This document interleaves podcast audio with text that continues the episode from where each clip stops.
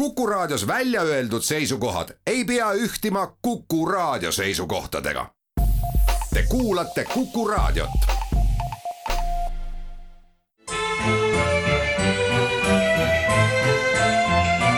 Memoria.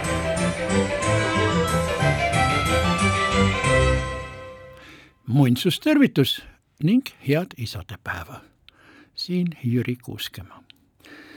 e kunagi kirjutas Toomas Mann ühe romaani Surm Veneetsias ning helilooja Maaler oli sellest nii imponeeritud, et kirjutas ka ühe sümfoonilise teose Surm Veneetsias. no see sõnapaar on minoorne, aga eks Veneetsia, üks kuulsamaid linnu Euroopas, on ka minoorse käekäiguga, sest see on nii uppuv, hukkuv kui ka surev linn sest üleujutused on seal pidevalt äh, suurenemas ning äh, kuna kuuskümmend miljonit turisti külastab Veneetsiat aastas ja paljud tulevad kruiisilaevadega, siis kruiisilaevade poolt põhjustatud äh, kõrged lained mõjuvad niisamuti nagu Tallinnas siin Aegna saare edela nurgale pinnast ära uhtudes ning vaiadele ehitatud Veneetsia ehitisi ohustades. ma mäletan minu kaasaristiema Helene Kuma stažeeris nõukogude ajal üsna ammu Veneetsias ja ta elas ühes majas, kus oli nii, et esimesel korrusel olid põrandale pandud mm, telliskivid ja üle nende lauad, sest põrand oli praktiliselt kogu aeg vee all ning esimesel korrusel tuli käia nagu üle purrete ja kui ma isegi sattusin Veneetsiasse, mis ta nüüd oligi juba paarkümmend aastat tagasi, siis juhtus see olema ka päev, mil Markuse väljakul oli vesi umbes põlvest saadik, olid ka purded ja purded olid ka San Marco kirikus ning vesi vulises tookord ära, aga meil oli juhus ka saada üks väike kondlisõit mööda Veneetsia kanaleid ning neid ületavad pisikesed jalakäijate sillakesed. Ja need olid muidugi niisuguse arvestusega, et kondoljeer, kui ta siis ähm, aeruga oma paadikest suunas ja juhtis, siis oleks pidanud saama seistes selle sillakese alt läbi, aga toona vesi oli nii kõrge, et et kondoljeer pidi iga sillakese juures nii-öelda pea kaenlasse panema ja nii on selle linnaga, et kui kuuskümmend miljonit turisti aastas seda külastab, siis on linnavalitsus sunnitud välja andma määruse, mille kohaselt turistidel ei lubata Veneetsia vanalinnas rataskohvritega ringi kolistada, et mitte sillutisi liiga usinasti kolistada. No meil Tallinnas ei ole asi turistidega veel nii, nii hoogne ja selle tõttu ratastega kohvreid lubatakse pruukida, kuigi nendest paiguti ja sillutisel tekib jah seda mürareostust, mis mõnikord isegi lähedalt äh, rääkimist takistab, aga Veneetsiasse siirdume siis muusikaliselt ja ja püüame siis mõista ja hinnata, kuidas Maaler on tajunud selle linna romantikat ning ohtlikku käekäiku. Kuuleme sellest täna Memorias kolm lõiku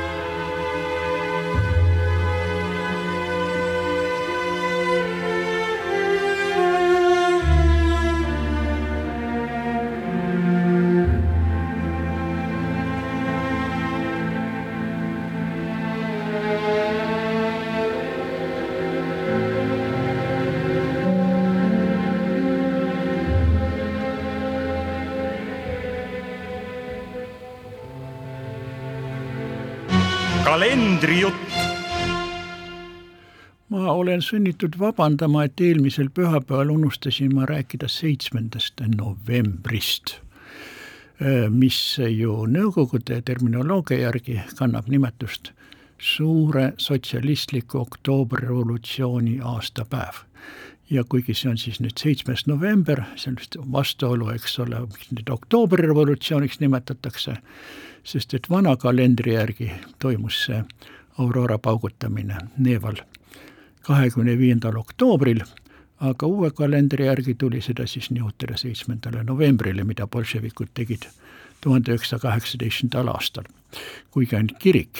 jäi sellele vanale kalendrile truuks, tekitades segadusi niimoodi õigeusklike seas erinevate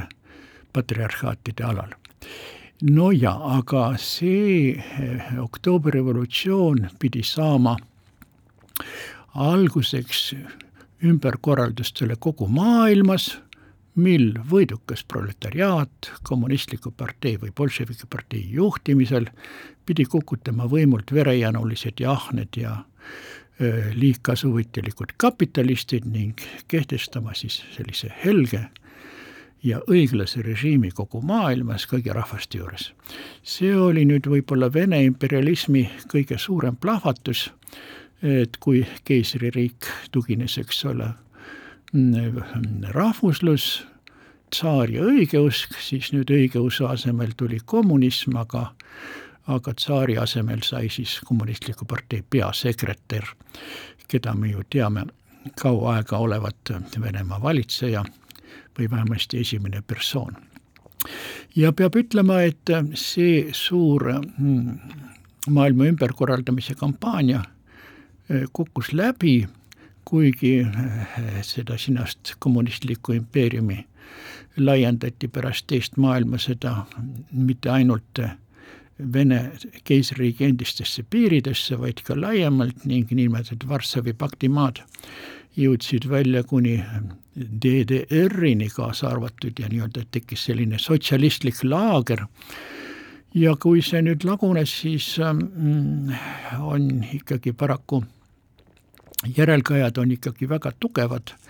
eh, ning Vene valitsus ei ole loobunud ideest impeeriumi taastada, kuigi seda nüüd ei taheta enam või nii tungivalt teha, eks ole, kommunismi loosungite all, vaid see on kuidagi natuke teistmoodi, aga igatahes on Venemaa suurriikluse puhul soovitakse ikkagi lausa juhtivat osa maailmas, olles olnud võistluses ähm, Ameerika Ühendriikidega, mille tootlikkus ja mille sõjavägi on ju paljudes kordades võimsam kui on NLiit olnud või praegune Venemaa, aga sellegipoolest auahnus on suurem ilmselt ja ambitsioonid, kui, kui tiivad kannavad, aga eh, see on meile põhjustanud palju muret. nii et oktoobrirevolutsiooni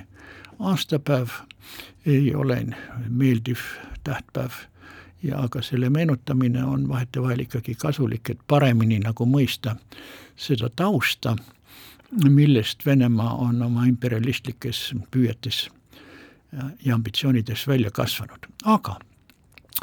kui ma juba mainisin Ameerikat, siis eks ole, Venemaa või Nõukogude Liidu rivaliteet Ameerika Ühendriikidega eh, on toonud nüüd uuemal ajal meile ka ühe niisuguse püha, mida me täna praegu tähistame riigipühana, see on nimelt isadepäev. õigupoolest see isadepäev on saanud alguse Ameerikast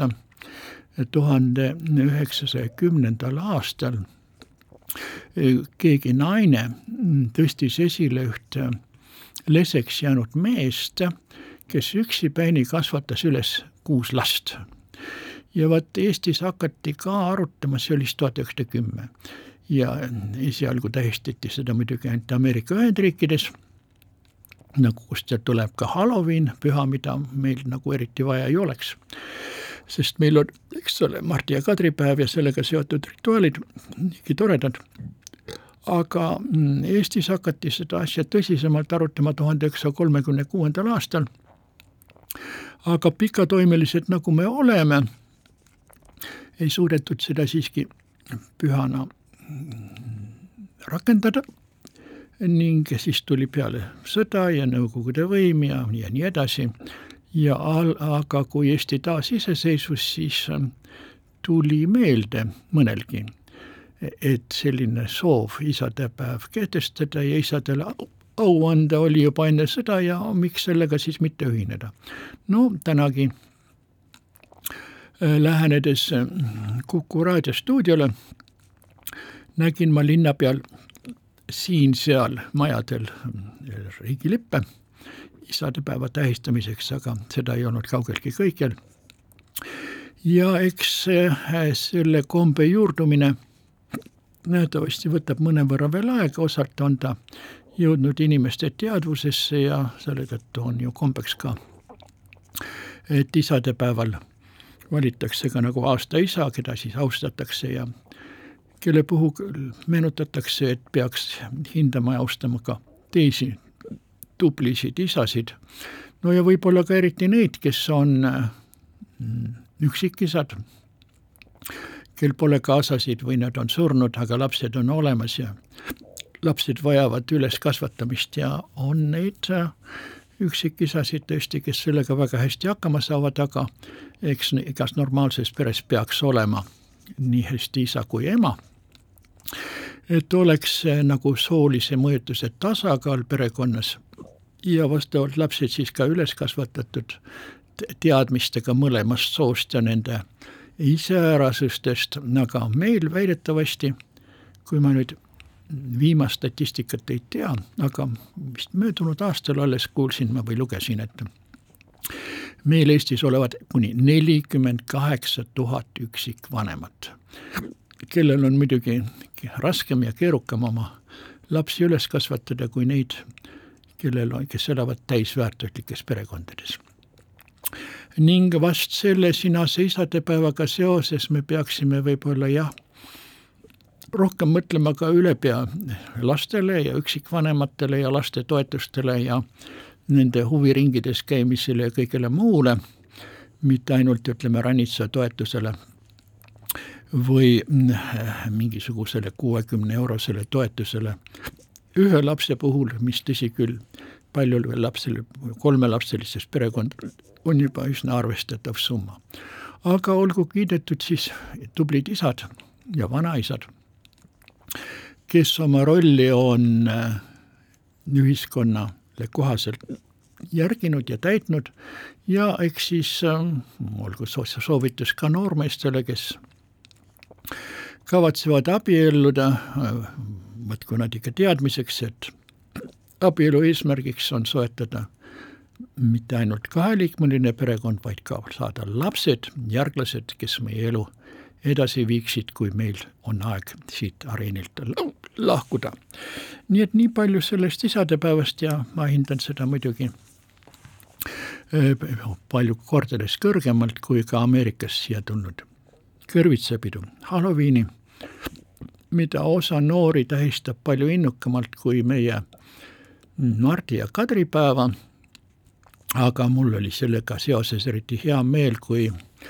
vanalinna elanike selts ja seal siis kuulutas, et kohvikus Keerviider korraldati nii hästi mardipäeva eelne noorte kogunemine kui ka sedasama tahetakse teha kadripäeva eel, et neid Eesti rahvatraditsioonidest pärinevaid sügispühasid toredasti tähistada ja jätka, jätkata sanditamist, Kadri ja Mardi sanditamist, aga ma eh, siin puhul mm, küsiksin teilt, head kuulajad, kas te olete ka kunagi mõelnud, mida tähendab sõna sant, kust ta on tulnud? no sant muidugi esmatähenduses tähendab vigast ja kerjust, kes käib kerjamas või sanditamas, aga see tuleneb tegelikult sõnast sanctus, ladina püha ja eks kunagi need palverändurid, kes ringi käisid ja issanda nimel ka almusi küsisid oma teekondadel, eks nad ilmselt siis sant-, sellele nime ka andsid. ja eh, meil on olnud ju ka, kui me nagu rahvakommetest uurime, siis olnud need naljasandid, kadrisandid ja, ja mardisandid ja nende kõrval on olnud ka päris sandid, kes on olnud oma näljahädas ja toimetulekuraskustes ja on käinud siis ka mardipäeva ja kadripäeva ringis ja vahemikus ka küla peal kerjamas põhiliselt toitu siis nurudes ilma, et nad oleksid püüdnud siis rahvast lõbustada. aga üldiselt on ju niimoodi, et see hilissügis, mil on hämar ja pime ja tihtipeale ka märg ja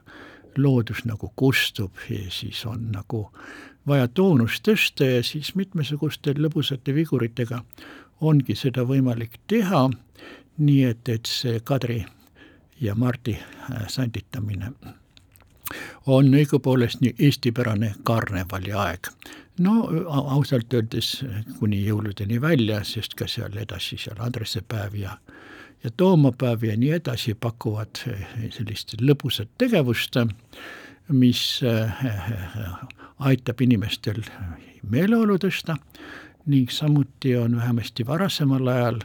toonud kaasa ka sellise illusiooni, et seeläbi võime me tagada oma karjaõnne ja pereõnne ja üleüldse eh, head käekäiku. nii et eh, eks häälestagem siis ennast nõnda ja küllap see siis aitab ka. ega praegustes oludes on seda nagu eriti vaja, sest nagu hiljuti teatati ametlikult, et Eestis on suhtelises vaesuses elavate inimeste arv kakskümmend kaks koma neli protsenti ning täielikus vaesuses elavate inimeste protsent üks koma kaheksa, mis on küll natukene langenud võrreldes eelmise aastaga, aga siiski see on peaaegu kakskümmend viis täit protsenti, mis viitab sellele, et iga neljas Eestimaa elanik on kimbatuses oma eluga, et kuidas seda finantseerida, et saada nii-öelda katta oma kulutused kusjuures kõik, kõikide asjade hinnad on ju kasvanud, inflatsioon on Euroopa kõrgim ja selle tõttu küll jääb äh, nüüd äh, lihtsalt omada lootust, et meie valitsus ja omavalitsused suudavad midagi ette võtta selleks, et toetada hädasolijaid ja olgu kiidetud siis Toidupank ja Päästearmee ja ja veel mitmesugused muud sellised institutsioonid, kes neid hädalisi aitavad, kuni Oleviste kiriku koguduseni, kes jõulude eel korraldavad tavaliselt seal ka nagu niisuguse kingituste jagamise ja kostitamise päevaga nendele inimestele, kes ei ole kirikuga kõige vähematki kokkupuudet, aga kes eest kirikul on eh, see põhimõte, mida väljendab ladinakeelne sõna caritas, see on ligimise armastus ela ise, aga püüa ka teisi aidata. nii palju siis sellest, eh, kalendris eh, nüüd uuel nädalal loomulikult on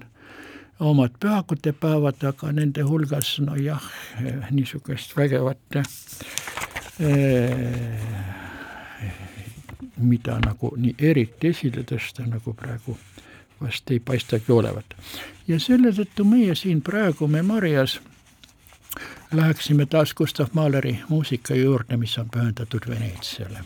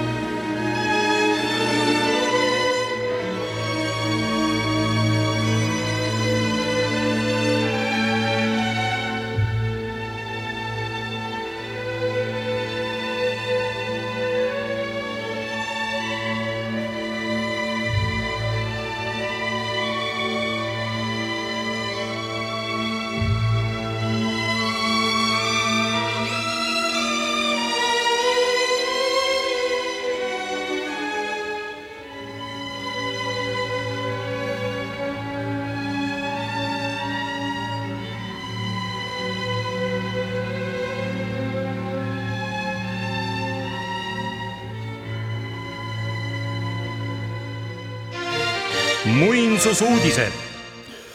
no sel nädalavahetusel tähistas oma viiekümnendat sünnipäeva vana muusikaansambel Hortus Musicus, keda minagi hea meelega õnnitlen, olles teinud nendega kunagi ka natukene koostööd ja lihtsalt neid imetledes läbi aegade. Eh, kusjuures on tõesti üllatav, et see Tallinnast võrd ansambel jah, mis tegi esimese kontserdi viiskümmend aastat tagasi, just nimelt Kikinde kökis esimene avaliku kontserdi aastal tuhat üheksasada seitsekümmend kaks, on suutnud ennast äh, kehtestada kogu maailma ulatuses ja esinedes äh, tihtipeale rohkem väljapool Eestit kui kodulinnas, aga sellegipoolest. ja olgu öeldud, et Hortus Musicus on oma neljakümnendat aastapäeva kümme aastat tagasi tähistas samuti avaliku kontserdiga Kikinde kökis. aga seoses Kikinde kökiga oli mul vestlus ühe linnamuuseumi töötajaga ja ma küsisin temalt, et kuule, et siin ümbruskonnas siin on nii palju igasuguseid kummituslugusid, et kas see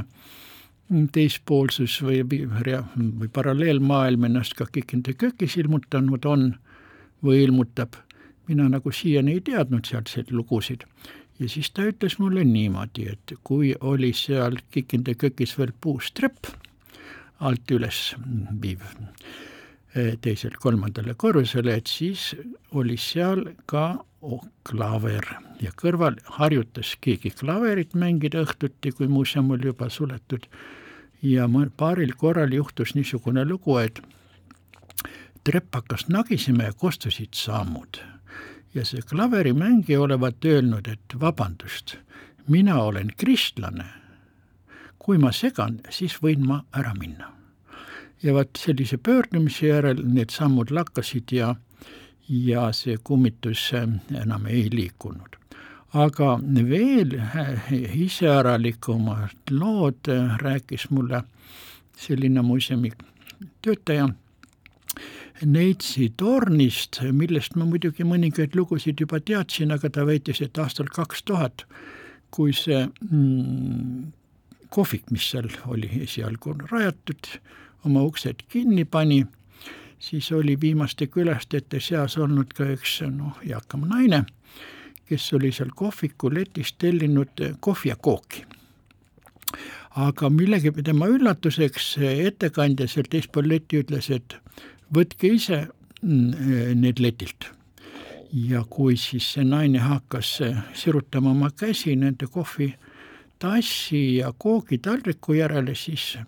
käed puutusid nagu vastu klaasseina. midagi näha ei olnud, aga käed kohvi ja koogini ei ulatunud. niisugune umbne sein, nähtamatu ja umbes poole tunni pärast lakkas see sein olemast ja kui naine siis, olles vestelnud selle sinas ettekandjaga, käed uuesti kohvi ja koogi järel sirutas, sai ta need kätte ja üllatus-üllatus, kohv ei olnud selle ajaga jahtunud, kohv oli, oli täitsa kuum. ja sama episood või samalaadne juhtum olevat olnud hiljuti, kui juba oli Neitsi torni rajatud see kunstnike mälestusruumistik, viitamaks sellele, et äh, alates Paul Rauast ja tegelikult ka ühest baltisaksa kunstnikust on seal tegutsenud kunstnikud ateljeedes, nii olevat ka üks äh, linnamuuseumi töötaja tahtes minna sellesse mm, ateljeeruumi, põrganud ka vastu, vastu seina, mida ta ei näinud ja mis mõne aja pärast nagu haihtus vot niisugune lugu, mis tuletab mulle meelde, et kui ma hiljuti käisin tohtri juures Ravi tänavas, siis ukse taga oli üks, tuli välja üks vene patsient, vanem härra, kes hakkas mulle suure õhinaga rääkima, et äh, reaalse maailma kõrval on ka paralleelmaailm, mis temale ilmutab unenägudes, mõningatele kummitustena ja arst aga, kui mina siis kabinetti jõudsin, ütles, et siseme nüüd virtuaalmaailma. nii et vaadake, head kuulajad, ühel samal päeval kogesin ma nii-öelda reaalmaailma, virtuaalmaailma ja kuid püüti mulle selgeks teha, et on olemas veel paralleelmaailm. no mine sa võta kinni. aga mis nüüd tõsistesse muinsusuudistesse puutub, siis uuel nädalal Riigi Muinsuskaitseamet tunnustab tublimaid muinsuskaitsjaid, nii hästi isikuid ja organisatsioone, kes on uurinud, rest-, projekteerinud, restaureerinud, teinud järelevalvet ajalooliste objektide puhul, mis pälvivad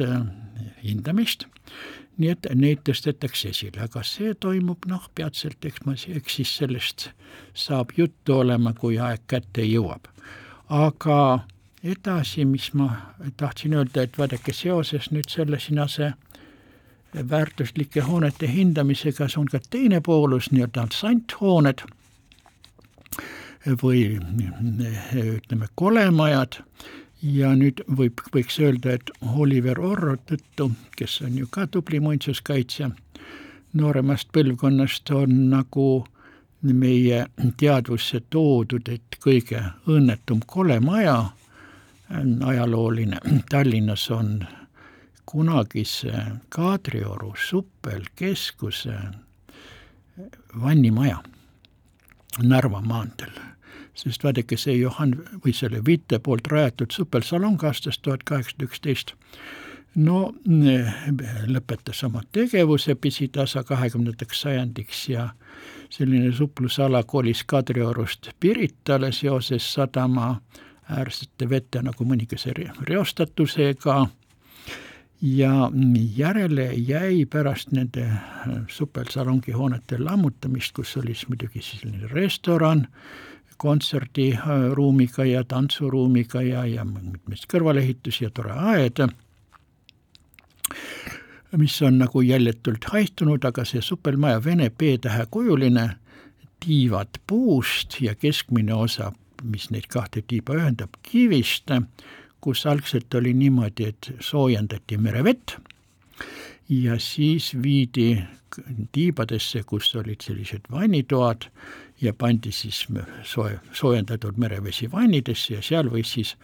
aasta läbi eh, merevees suplemas käia, mis seda kuurortihooaega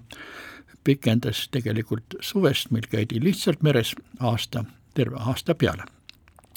ja vot muide, eks ole, see merevee tervislik toime sellest ma olen isegi üllatunud, et puhast merevett pakutavad, pakutavad mõned äh, preparaadid on praegugi kasutusel üldtervisliku toonuse tõstmiseks, nii et, et see merevee soolase vee toime on ikkagi tagatud, aga kui nüüd mm, see mm, supelmaja kaotas oma, vannimaja kaotas oma algse funktsiooni, siis lõhuti sealt vannid välja ning ehitati tiibadesse tibatillukesed. Korterid, see oli juba siis esimesel Eesti ajal. Ja Nõukogude ajal see protsess jätkus, aga ma ei, täpselt ei mäletagi enam seda aastat, kui Kuku raadio oli veel sealsamas Narva maanteel selle supelmaja vastas peaaegu, mil see supelmaja tühjaks jäi või vannimaja. ja hakkas pisitasa lagunema, see oli ka juba meie aastatuhandel kusjuures äh, otsiti algatajat, kes võtaks selle restaureerida ja korrastada. Ja siis oli üks firma, kes väitis, et no ainult sel juhul, et kui lubatakse sinna nende B-kujuliste haarade vahele ehitada üks uus korpus, kuhu saaks rohkem kortereid mahutada, sest et sellesse B-kujulisse võrdlemisi kitsasse majja, noh, eriti palju ei pane ja see äh, renoveerimine, raha, mis kulub, vast ei õigusta tulu, mis sealt hakkab pisitasa tulema ja võib-olla selle mm, nullini jõudmine, kulude katmine võtab liiga palju aega. no ja see asi jäi katki, aga muinsuskaitse ikkagi jonnakalt pidas seda hoonet muinsuskaitseobjektina ja peab seda ka praegu ja viimased detailplaneering oli aastal kaks tuhat kolmteist, mil jälle ilmus keegi huviline, aga ta ka loobus ja nüüd on katus osalt sisse vajunud ja kõik väljast on koledasti äh, lagastunud ja lagunenud ja sinna on peale äh, sodigraafiteid hirmus palju tekkinud ning seal mm, väljast vaadates selle hoone kunagisest teatud õilsusest või stiilsusest, nagu Oliver Orro väidab, et annavad tunnistust veel ainult äh, verandaaknad. kõik muu on noh, nii põrmustamisele lähedal. Ja praegu olevat nüüd jälle tekkinud uus huviline, kes, kellele on muinsuskaitse lubamas, et nad võiksid äh, sinna juurdeehituse teha, nii et praegu see asi on vist jällegi detailplaneeringu faasis, aga ootame-vaatame, kas sellest midagi välja tuleb või jälle asi soikub, nii nagu on olnud Suur-Karja tänaval seal Eesti Instituudi kõrval, kus kaks keskajal, keskaegset maja kotiportaalidega sõjas puruks pommitati ja mille fassaadi nüüd on asutud restaureerima ka pärast õige mitme kandidaadi kõrvale langemist. nii on nende kolemajade lugu ja Oliver Arro on toonud esile jälle selle idee, mida minagi olen propageerinud, et peaks olema hõlpsam riigil ja linnal korraldada sundvõõrandamisi nendele hoonetele, mille, mille, mida omanikud ei suuda või ei taha või ei viitsi hoida ja keda ei saa nagu karistadagi nende hoonete hooletusse jätmise pärast. ja siiani on väga mitmeid kohtuvaidlusi nende omanikega ja muinsuskaitse vahel või linna vahel ja asi ei edene surnud punktist. Aga eks elu on arengus, vaatame, mis saab edasi, aga kui me nüüd otsime veel mingisuguseid muinsusuudiseid, siis noh, jah, lähemalt, mis mul silma on jäänud viimastel, viimastel nädalatel eh, või kuudel, et üks ja ma ei tea, ma pole maininud, on see, et Gustav Adolfi gümnaasiumi mm, ala ääristav piirdeaed suurte paegivist toredate postidega ja nende vahel olevate öö, mustast metallist võredega, mis oli üksjagu lagunenud ja võid- ja isegi raudosad juba nagu hakkasid mõnes kohas pudenema, kuigi need, osa neist oli ainult kümne aasta vanused, et seal tehti täielik remont, nii et see ala näeb nüüd jälle täitsa tipp-topp välja, aga no muidugi vastu talve. Siin on maha võetud ähm, hotell Sankt-Peterburilt ähm, needsamused mm, kardinad, fassaad on korda tehtud, aga nagu on teatatud, et sinna eh, hõlmates ka kõrval oleva Du Nordi kinnistu ei tule, on tulemas niisugune luksus äh, kasiino rikastele inimestele ja väikene seitsmeteistkohaline eh, hotellikene ja, ja, ja spa ja muu selle sarnane ja kolm restorani, aga vaatame, kas see saab olema mm, linnal elanikele kasulik või see veelgi kahandab nagu kohalike inimeste võimalusi, no aga eks see paistab. nüüd väiksemad mahtu, mahtu uudised tulevad meile muuseumidest näiteks ähm, Vene muuseum Tallinnas on avanud näituse, mm, millel on siis Olga Starogorotseva, on äh, loonud niisuguse erilise värvikülluse mm, piltides, mis äh, peaksid ka meile kollaažide näol mm, tõstma toonust sellel sinasel süngevõitu kaamastikkusele kalduval hilissügisesel ajal. ja Eesti Kunstimuuseum on nüüd äh, seitsmeteistkümnendal novembril mm, esitlemas äh, järjekordset äh, muuseumi poolt välja antavat marki kunstiga, see on kolmeteistkümnes, millel on Adamson Eeriku nüüd teosed pinnal ja samuti on seal esitlemisel ka mm, maal kaks pead, mille on nüüd muinsus, tähendab Eesti Kunstisõprade Selts, pannes rahad kokku, ostnud ära Valve Jaanovilt ja kinkinud selle muuseumile. Ja see pilt on õige vana, tuhande üheksasaja viiekümne seitsmendast aastast, aga midagi taolist Valve Janovil, kes oli omal ajal ju üpris modernistlik tollases veel sotsialistliku realismi, eks ole, õhutavas keskkonnas, on meie kunstimuuseumile nagu rikastav. ja samas veel üks niisugune omapärane nähtus, millega sai hakkama Röörichi selts. see on üks näitus, mis on avatud nüüd äsja õpetajate majas ja sinna jääb,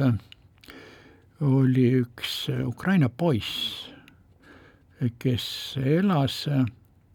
mis ta siis sündis tuhat üheksasada üheksakümmend seitse. Ja, ja elas vist kaheteistkümne või kolmeteistkümne aastaseks ja oli haiglane, aga tema kirglikult muudkui joonistas ja joonistas ja maalis ja siis temast on jäänud järele midagi, mis see siis oli mm,? midagi üle kahe tuhande teose ja need on muidugi lapselikult naivistlikud, aga eh, need on niisuguse positiivse eluhoiakuga, et mille tõttu seda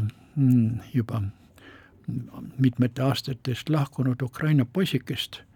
on rahvusvaheliselt tunnustatud kuuluvaks nimelt helguse laste hulka, kelle tegevus eh, on tunnustatav üle pea kõikidele, mitte ainult laste eakaaslaste seas, vaid ka täiskasvanute maailmas. ja tema teemad on olnud äh, ühelt poolt müüdid, mütoloogia, ajalugu, kosmos, loodus, port-, loomad, portreed, nii et üsna mitmekülgne. pean tunnistama, et mina ei ole seda näitust veel näinud, aga lähen kindlasti vaatama, sest see kunstnik Saša või muidugi täisnimega Aleksander eesnimega, on äh, nii tunnustatud olnud, et temast on juba tehtud üksteist äh, näitust mitmetes maailma riikides ja tehtud mitu filmi ning raamatud on tema kohta mitte ainult ukraina, vaid ka inglise, saksa keeles. nii et, et kahtlemata rahvusvaheliselt tähelepanu vääriv noormees ja eks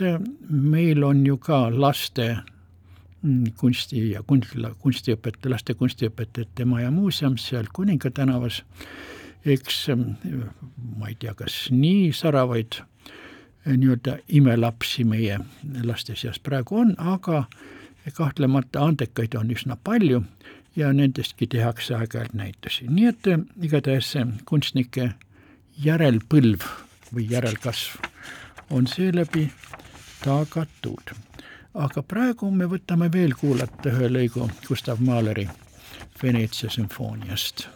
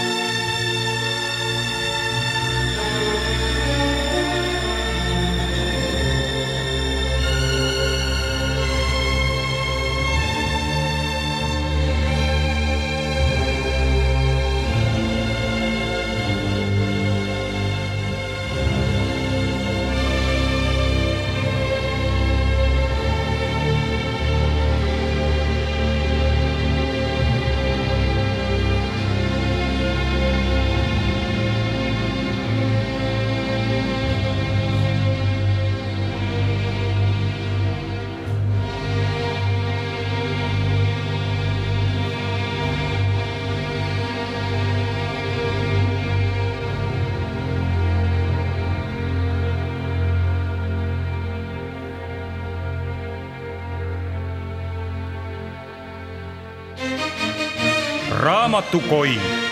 no paari nädala eest tuli mul Niguliste kiriku juures vastu üks mees, kes mind nähes peatus, naeratas ja ütles oma nime, Andreas Üksküll.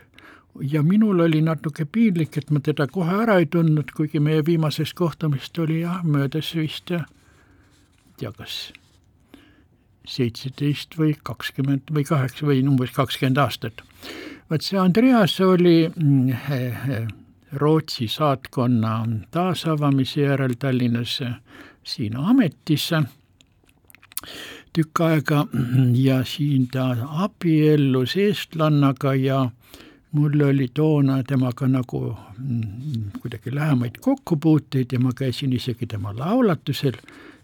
Vigala kirikus, mis keskajal oli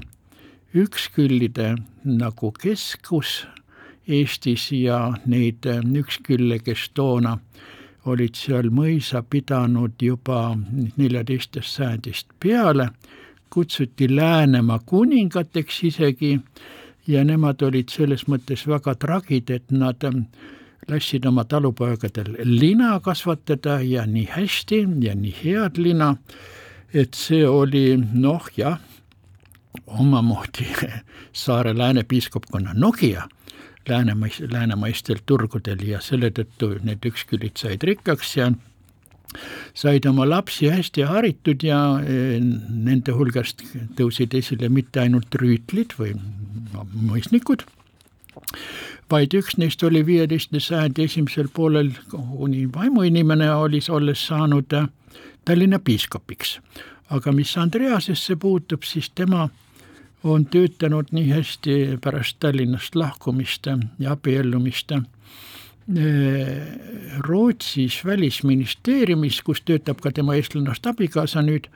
ja on olnud saadikuks kahes riigis, viimati oli ta Kamerunis saadikuks, aga praegu ta resideerib jälle Stockholmis. Ning lapsed on seitseteist ja viisteist aastat vanad, parajad koolilapsed, kusjuures poja nimi on Johannes ja vot selle Johannesega seoses on huvitav meenutada, et esimene üksküll, kes on siin meie vana Liivimaa dokumentides mainitud,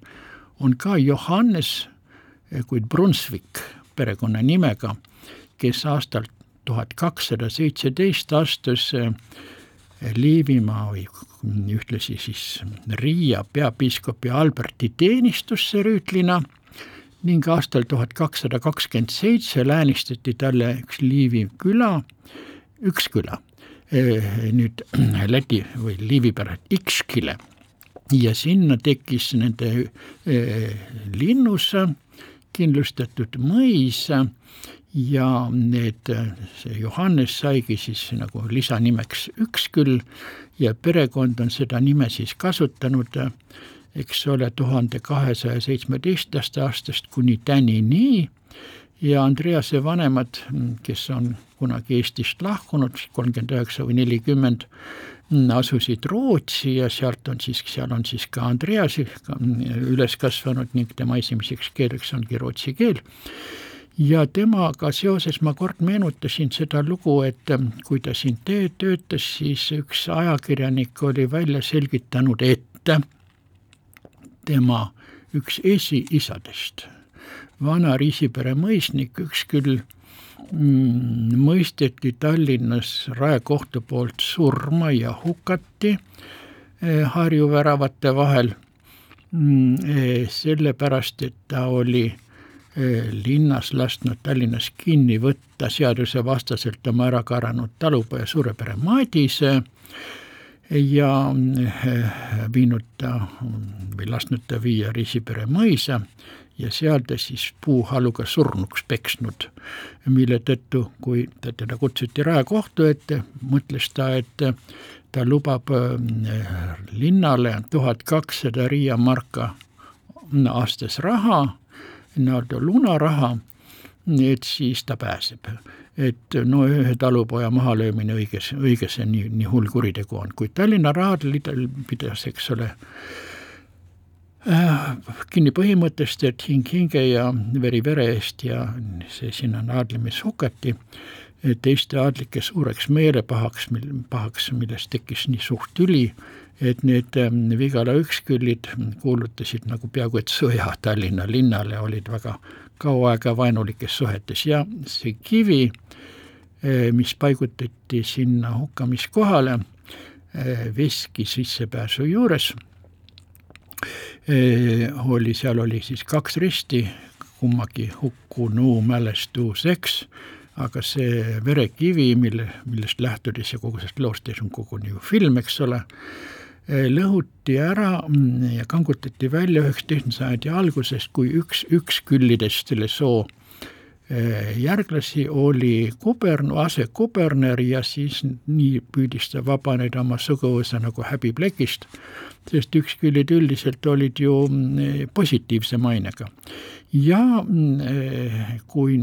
Harju tänaval tehti neid kaevamistöid ja Harju värava markeeriti sillutises, siis sinna kohta, kus lähedal oli ukseava sellesse vesiveskisse, kus selle üks külje pea maha raiuti, pandi, eks ole, kividest, sillutuskividest ring ja ringi sisse rist. nii et see on siis see uus verekivi aga Andreas, kui tema abiellus, siis ja sai, nad sai ta siis selle eestlannaga poja, siis pandi talle nimeks ka Johannes. mälestamaks seda esimest rüütlit, kes Liivimaale tuli eh, ja kellest sai selle suguvõsa alusepanija Liivimaal ja see Johannes, see uusim Johannes, kannab järjekorranumbrit kakskümmend kaks nii et ja, ja see on muidugi ikka võimas värk küll. aga ma oleksin muidugi tahtnud rääkida ka Andreas von Üksküli poolt välja antud albumist, millel on väga suured paksust kriitipaberist, läikepaberist lehed, millel on pildistatud kõik kunagised mõisad Eestimaa alal, mis on läbi aegade kuulunud üksküllide suguvõsa esindajatele, osa neist juba, eks ole, vigalased neljateistest sajandist peale ja osalt on mõned isegi olnud kuni tuhande üheksasaja neljakümne neljanda aastani veel need viimaste siinsete üksküllide valduses. ja neid mõisaid on nii palju, oma sadakond, nii et ma, kui ma nüüd pärast Andreasega kohtumist seda albumit vaatasin, siis ma olin täiesti jahmunud, et kuivõrd on nende nii-öelda niidistik Eestis olnud oluline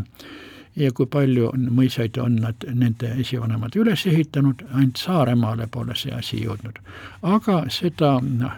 Üksküllide mõisate albumit laiemas plaanis tutvustatud ega levitatud ei ole, sest see on nüüd niisugune eraväljaanne, aga sellega peaksin ma nüüd Üksküllide suguvõsa meenutamise lõpetama ja soovima teile nii jätkuvalt head, head, eks ole, isadepäeva ning meeldivat nädalat, mis pidi tooma meile talvise külma laine. nii et head äraolemist ja kuulmiseni